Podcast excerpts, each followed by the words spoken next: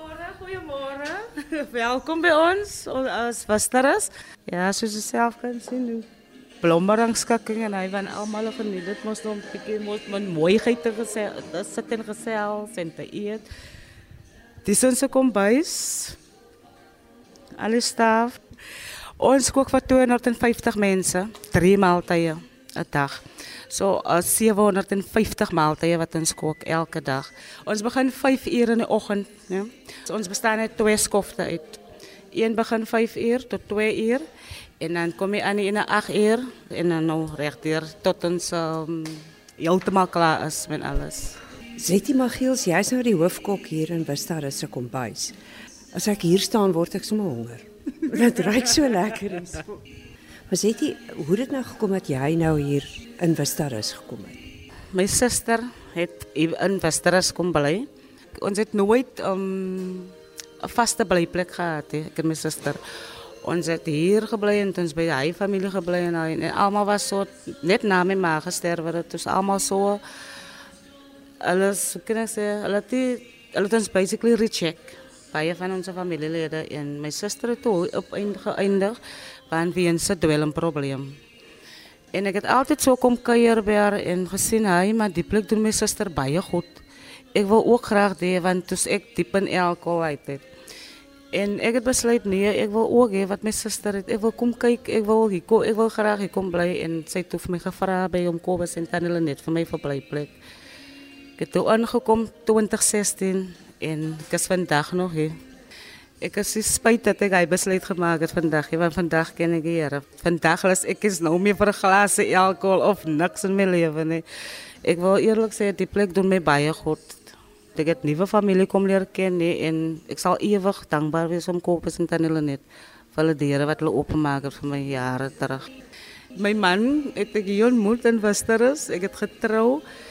Ons was vir 'n jaar getrou en 6 maande en toe besluit hy hy gaan terug na sy ou huis toe en ek kon dit toelaat. Toe ek maar besluit dat hy mag gaan, maar ek gaan bly by die voete van die Here tot vandag toe. So hy is buite en ek is hier binne. Hy wil in die wêreld wees, ek wil by die Here wees. That I'd have to say goodbye to you so fast. Seti, nou wat s'ie kans dat daai liedjie speel? Terwyl jy gepraat het van jou eksman. Ek voel nogal 'n bietjie gebreek en maar ek ek beklei in want ek het die Here aan my kant en ek weet die Here gaan deur wonder. Hy gaan deurkom vir my. Ons dit is wat ons doen ons speel liedjies sodat ons ons dat ons eintlik ons minds ons besig en ons weet dat as ons liedjies speel dat die Here met ons praat en ons praise and worship. Ons ons like praise and worship. Ons werk baie lekker as ons op praise and worship binne Goed, ehm um, Kobus uh, Jacobs, hy is een van die stigterslede hierso wat saam met sy vrou Lenet nou Wistarus begin het. Hy is nou ook hier eers. Ons gaan nou hom Kobus soek en dan gaan ek jou voorstel aan hom Kobus, dan word hy by hom. Aandag asseblief op Kobus, en rapporteer asseblief by die kombuis van Mariska. Oom Kobus, en rapporteer asseblief by die kombuis van Mariska. Hier is hom Kobus nou. Ek het gehoor jy het hom geroep oor die interkom. Kobus Jacobs, 25 jaar gelede, saam met jou vrou Lenet, het julle Wistarus begin. En ehm um, Dis my baie interessant julle beginsel hier. Is liefdadigheid is nie almoses van ander mense af nie. Julle skep julle eie almoses as 'n mens dit so kan stel. Ja, 25 jaar terug het ek en Lenet begin hierso. Dit is nogal 'n 'n roeping geweest wat ons nie voor nee kon gesê het iemand as die Here jou roep, dan moet jy gehoorsaam wees. Ek het my eie besigheid gehad en 'n persoon wat by my gewerk het, het gebly by Wisterus en die oud gesê is die water en is die krag by hierdie plek waar hy bly Wisterus en toe ek hier so uitkom en ek sien die, die nood wat hier is van 3 maande lank het hierdie plek toe sonder krag en water gestaan en en gevoel net ja, ons ons moet 'n verskil maak in Port Elizabeth. Ons het toe getender op hierdie plek want die plek het te behoort aan aan iemand anders wat die huur nie kon betaal het nie. Die dag toe ons hierso gekom het en ons het die tender gekry het ek gesien dat die realiteit van krag te betaal, water te betaal, mense te voorsien en die uitgawes was bitterlik hoog geweest. En ek het net gevoel op daai stadium dat 'n mens kan nie bak kan staan en mense gaan geld vra en ons het nog nooit daaraan geglo nie. Maar uh ons moes begin het om die mense besig te hou en die mense aan die gang te kry met werkskepingsprojekte. Hier waar ons nou staan op die oomblik is ons eerste werkskepingsprojek gewees waar ons prefab mure slabs gemaak het en mure begin opsit het. In die begin was hier iets soos 15 mense gewees en die nood was so groot gewees dat ons was oorval gewees met mense wat ingekom het. Ons kry geen staatshulp, ons kry geen hulp van munisipaliteite of wat ek al nie wat ook seker goed is want dit het ons nou geleer om selfstandig te raak en onafhanklik te raak. So ons het verskillende werkskepingsprojekte, prefab mure, houtwerk. Ons grootste inkomste is natuurlik die plastiese herwinning wat ons doen. Ons herwin metaal ook en ons verkoop dit en dit gaan alles natuurlik in die sendingstasie in om vir mense te sorg. Dis nou vir my interessant, geen munisipale subsidie, geen regeringssubsidie. Ons loop hier deur die een bedryf na die ander. Kobus Jacobs, mede-stigter lid van die Vistarus binnestedelike sendingstasie in Gqeberha.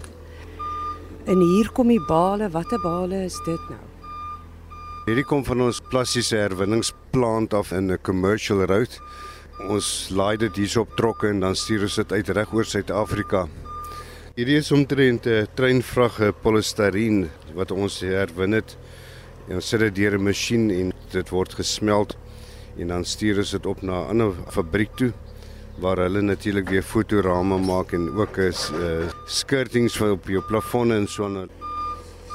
Op die oomblik, jy weet as jy so 200 mense wat ons voorsien en uh, ons leer hulle om by projekte te werk en dit gee die mense ook waardigheid en ook 'n doel in die lewe. Mense wat hiernatoe gekom het en net opgegee het en ons sê altyd vir hulle is hulle asemhaal, daar so 'n doel vir hulle in die lewe en ons probeer hulle weer op te bou van daar af.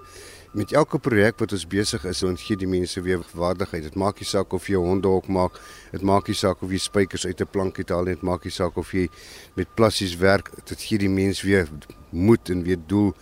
Jy leer hulle vakkies en dan kan hulle dit nou weer gaan hulle weer werk in die toekoms. Nee, langsaan is ons nou besig om hout te saag vir hondehokke en ook natuurlik vir ons uh, donkie wat ons gebou het om ook krag te spaar. Ons is bevoorreg dat die Here ons geroep het, maar daar's soveel seën op wat ons doen en as jy kyk na hierdie 25 jaar wat verby is, is daar soveel wat gebeur het en soveel lewens wat jy kon aangeraak het en mense wat jy kon gehelp het. Dit is 'n voorreg om hier so te wees by Wisterus. Ek is maar 13 jaar hier. Ek weet nie wat alles al voor ek hier was gebeur het nie. Maar ek kan regtig sien die Here se hand is oor hierdie plek. Hannes Strydom, jarelange inwoner en nou al deel van Vistarus se bestuur.